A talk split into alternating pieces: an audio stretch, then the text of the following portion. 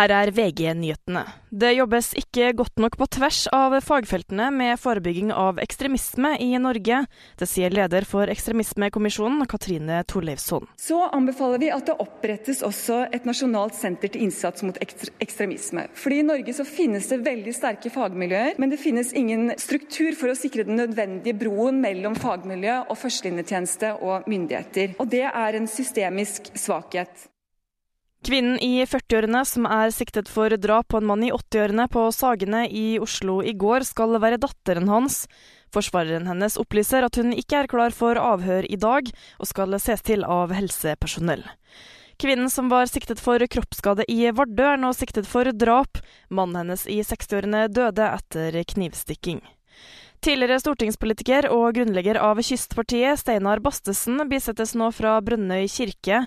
Bastesen døde 18.2 etter å ha havnet i vannet ved båthavna i Brønnøysund. Han ble 78 år gammel. Kongen blir noen dager til på sykehuset i Malaysia. Han er fortsatt på bedringens vei. I studio Miriam Alsvik, nyhetene får du alltid på VG.